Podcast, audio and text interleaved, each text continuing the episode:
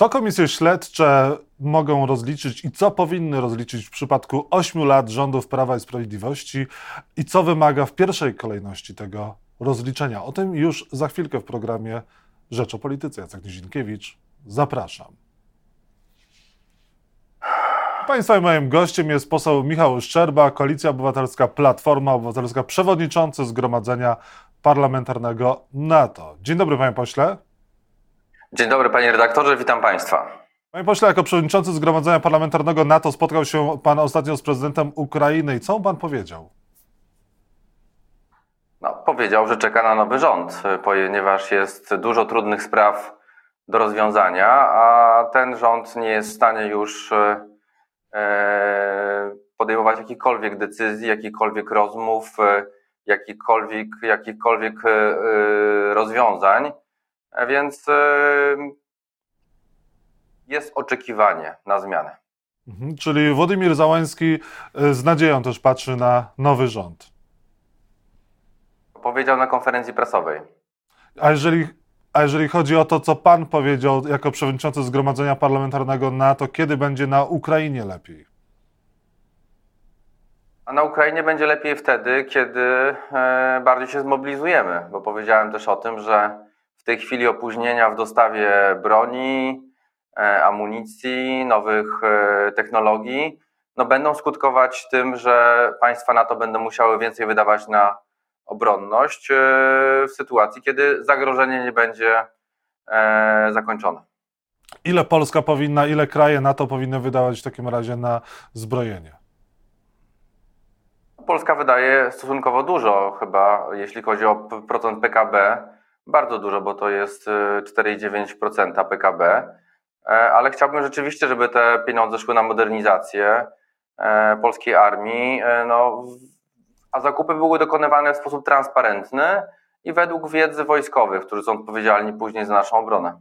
Mówi Pan, jakby wcześniej te zakupy nie były dokonywane transparentnie i bez odpowiedniej wiedzy eksperckiej. Panie redaktorze, my dużo nie wiemy o tym, jak one były dokonywane. Mamy informację, że e, z jakich kierunków była ściągana, e, było ściągane, e, był ściągany sprzęt wojskowy. Wiemy o wieloletnich zobowiązaniach, wiemy o kredytach. No czas przyjdzie taki czas, żeby nowy minister obrony narodowej, a wierzę, że będzie nim Władysław Kosiniak-Kamysz, te wszystkie sprawy dokładnie sprawdzi. No, ma pan takie poczucie, że Władysław Kosiniak-Kamysz będzie dobrym ministrem obrony narodowej? Człowiek, który obronnością się wcześniej nie zajmował, nie wypowiadał się nawet na te tematy, był ministrem E, od innych spraw, e, zajmował się kwestiami rolnictwa, a tutaj ma być szefem MON. No przede wszystkim e, Władysław Kosiniak-Kamysz jest państwowcem i jest osobą, która była w rządach w latach 2007-2015. No, mało kto ma taki ośmioletni dorobek ministerialny. To nie tylko zdrowie, też polityka społeczna, E, e, polityka rodzinna, e, no ale przede wszystkim, jak powiedziałem, to wszechstronna wiedza o funkcjonowaniu państwa. Zresztą wie pan, no, pan mówi, czy, czy są sugestie, że Władysław Kosiniak-Kamysz jest lekarzem. No, spójrzmy, kto, kto jest szefem Biura Bezpieczeństwa Narodowego. To też jest lekarz, Jacek Siewiera, zresztą, który w mojej opinii bardzo dobrze sobie radzi na tym stanowisku. Jeżeli chodzi o to, jak sobie radzi na stanowisku Mariusz Błaszczak, został ponownie wybrany, czy też wskazany na ministra obrony narodowej, czy może tam powinna też e, wejść komisja śledcza i zająć się różnego rodzaju zakupami przez MON, na czele którego stał minister Błaszczak i w dalszym ciągu stoi jeszcze przez te niecałe dwa tygodnie. Znaczy ja jestem zwolennikiem, panie redaktorze, że ta strefa bezpieczeństwa tutaj w kraju, e, ale również tego międzynarodowego, no, powinna być wyłączona ze sporu politycznego. Natomiast to nie oznacza, że e, pewnym działaniom, pewnym zakupom, pewnym decyzjom, które nie były konsultowane, chociażby w formule Rady Bezpieczeństwa Narodowego, bo przecież takie wieloletnie zobowiązania na kilkadziesiąt czasami lat czy kilkanaście lat, no powinny być przedmiotem jakiegoś porozumienia międzypartyjnego, bo rządy się zmieniają, ministrowie się zmieniają, a zobowiązania na państwie zostają, więc ja nie mówię w tej chwili, że ja znam jakieś konkretne sytuacje, gdzie dochodziło do nieprawidłowości, ale uważam, że nowy minister obrony narodowej będzie miał instrumenty przeprowadzenia audytu. Zresztą uważam, że takie audyty zakupowe powinny odbyć się w każdym resorcie, w każdej instytucji rządowej. Jak wiemy, w Ministerstwie Kultury Piotr Gliński, wicepremier, bardzo wielu dyrektorów e, nominował. E, no i też e, okazuje się, że państwo zarządów Prawa i Sprawiedliwości to było takie Bizancjum. No było Bizancjum, no ale to co, to, co wyrabiał Gliński na ostatniej prostej, czyli po 15 października, to się w głowie nie mieści.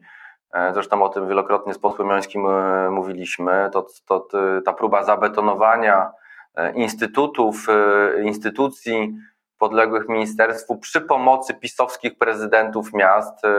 E, tak to miało miejsce w, w Otwocku. Tam już jest zmieniony statut. Formalnie miasto Otwock, prezydent Otwocka ma decydować o obsadzie personalnej Instytutu Dmowskiego. To jest ten instytut, który gospodaruje funduszem patriotycznym, z którego był karmiony przez wiele, wiele lat Bąkiewicz.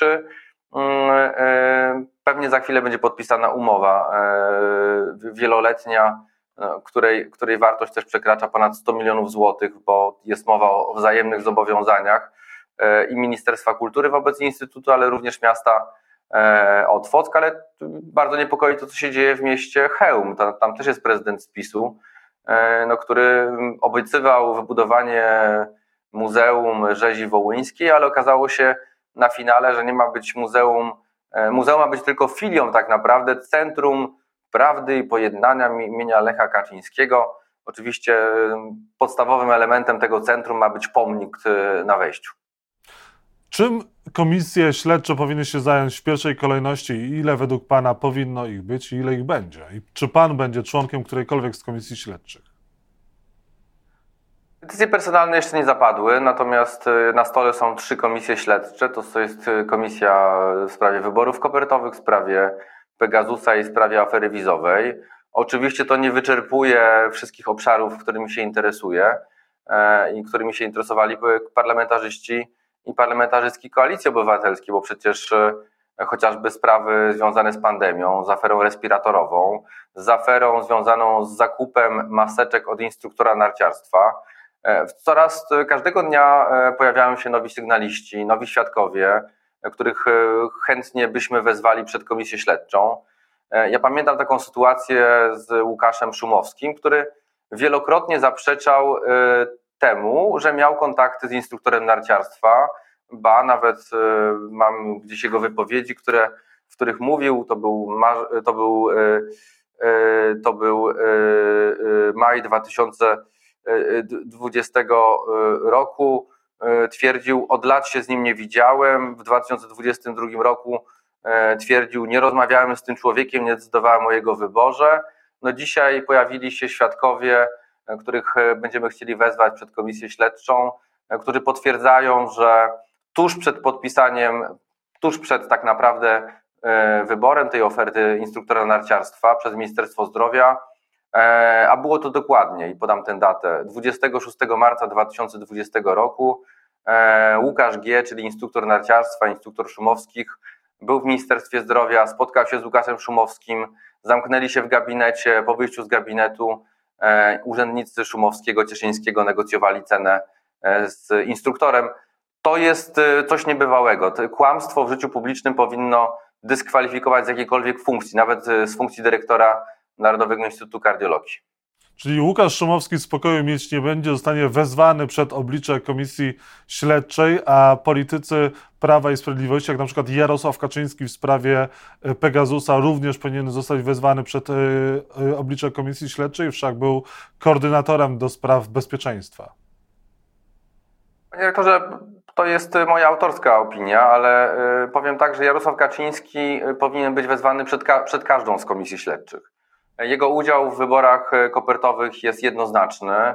To on, e, e, to on sterował tym całym procesem, zresztą ujawniają się teraz to nowi świadkowie, chociażby z dawnej partii Porozumienie Jarosława Gowina, którzy mówią o tym, że byli młotkowani na Nowogrodzkiej przez Kaczyńskiego, przez ludzi PiSu, często nie wytrzymywali. Są opisywane sceny, chociażby przez Kamila Dziubkę, jak, jak, jak reagowali na te spotkania, wymiotowali nie byli w stanie tego ciężaru psychicznego znieść. Michał Wipi wprost mówi, jak e, były, jakie były próby nacisku na Jarosława e, Gowina, no i to były próby ocierające się o kryminał.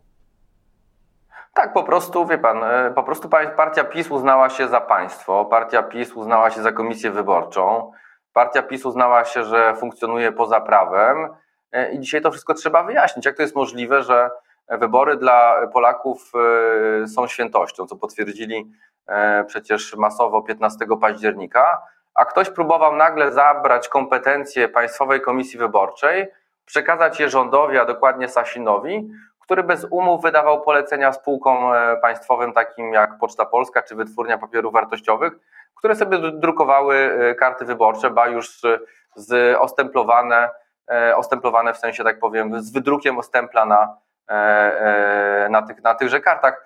To są dramatyczne sytuacje, bo e, jeżeli nie zatrzymamy tej recydywy, jeżeli nie pokażemy tej patologii, no to, to, to ta pogarda, to złodziejstwo, te nieprawidłowe działania mogą wrócić i wtedy tej skali mm, złych działań nie będziemy w stanie już zatrzymać. A nie ma Pan takich obaw, że członkowie komisji śledczych z Prawa i Sprawiedliwości mogą przyblokować czy też stosować obstrukcję w trakcie pracy tych komisji. Jeżeli w każdej z komisji będzie po pięciu członków z Prawa i Sprawiedliwości, to oni mogą w sposób znaczący wpływać na przebieg obrad tych komisji.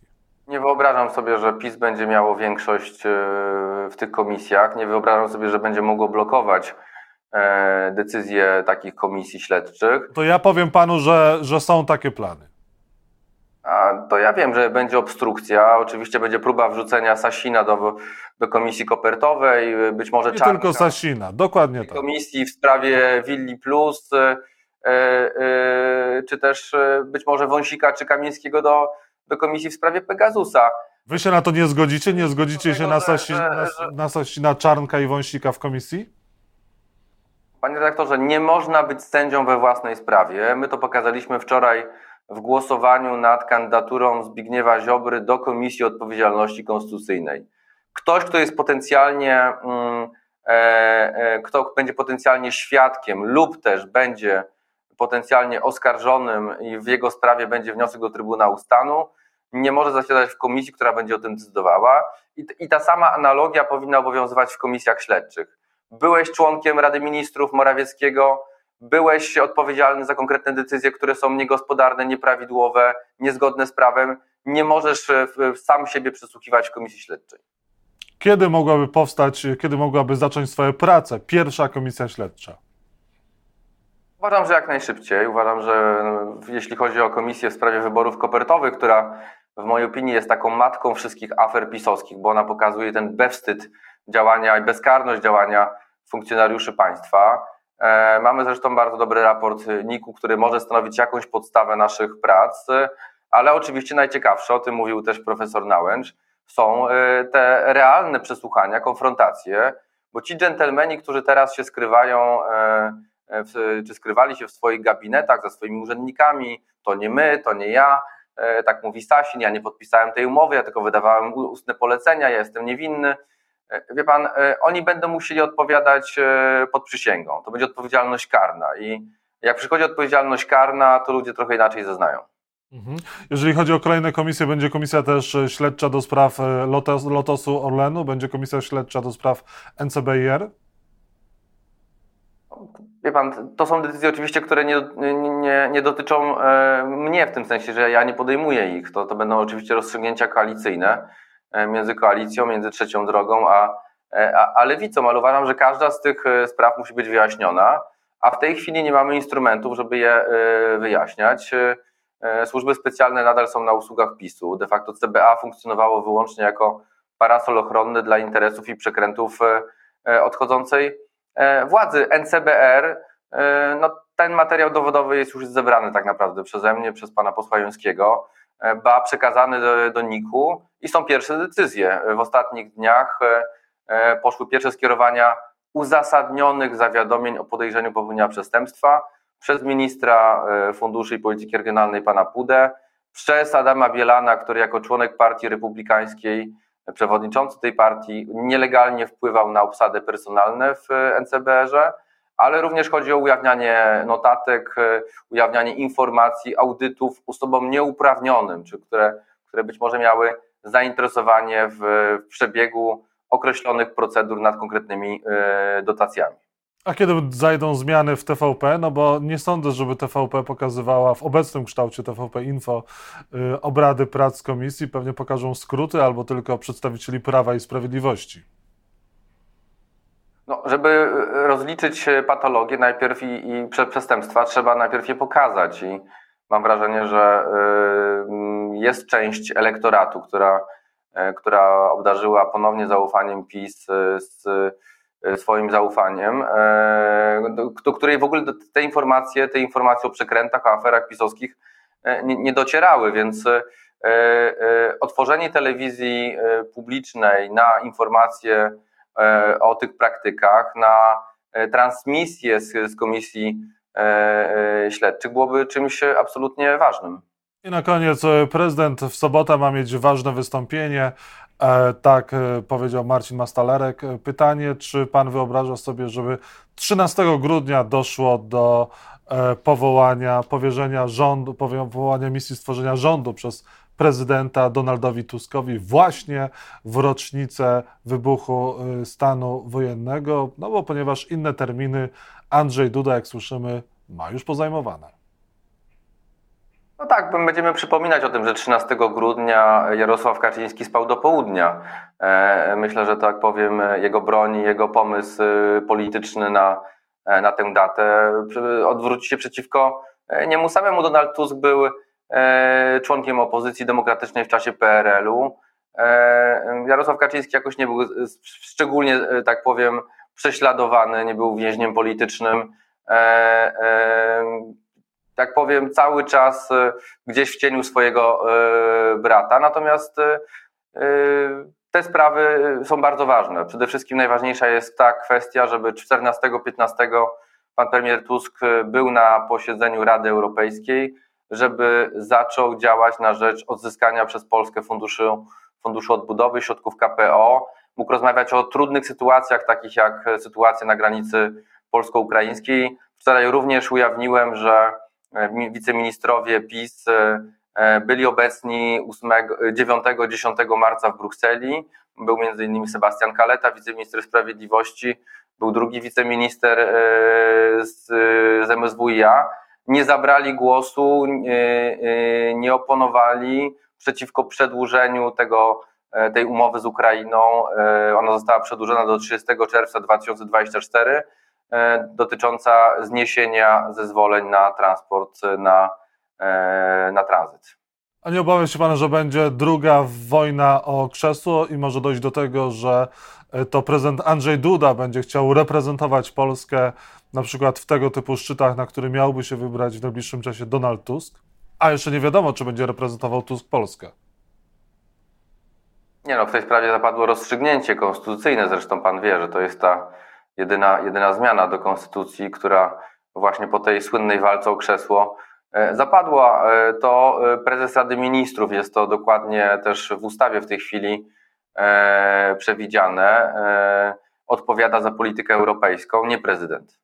No ale też została przyjęta ustawa kompetencyjna i Andrzej Duda będzie chciał reprezentować na pewno Polskę w kwestiach polityki zagranicznej ta ustawa jest jawnie sprzeczna z konstytucją, i, e, bo to prezes Rady Ministrów kieruje pracami rządu, e, e, a nie prezydent państwa, więc wie pan, gdyby był normalny Trybunał Konstytucyjny, ta ustawa byłaby już w Trybunale i w tej sprawie być może mielibyśmy już wyrok. Jest to nadużywanie uprawnień prezydenta. Ja rozumiem, że Andrzej Duda chce zakończyć swoją kadencję polską prezydencją w 2025, ale on z tą prezydencją niewiele będzie miał wspólnego, bo to jest kompetencja rządu, rządu Donalda Tuska. Michał Szczerba, poseł Koalicji Obywatelskiej, Platforma Obywatelska był Państwa i moim gościem. Bardzo dziękuję za rozmowę. Bardzo dziękuję.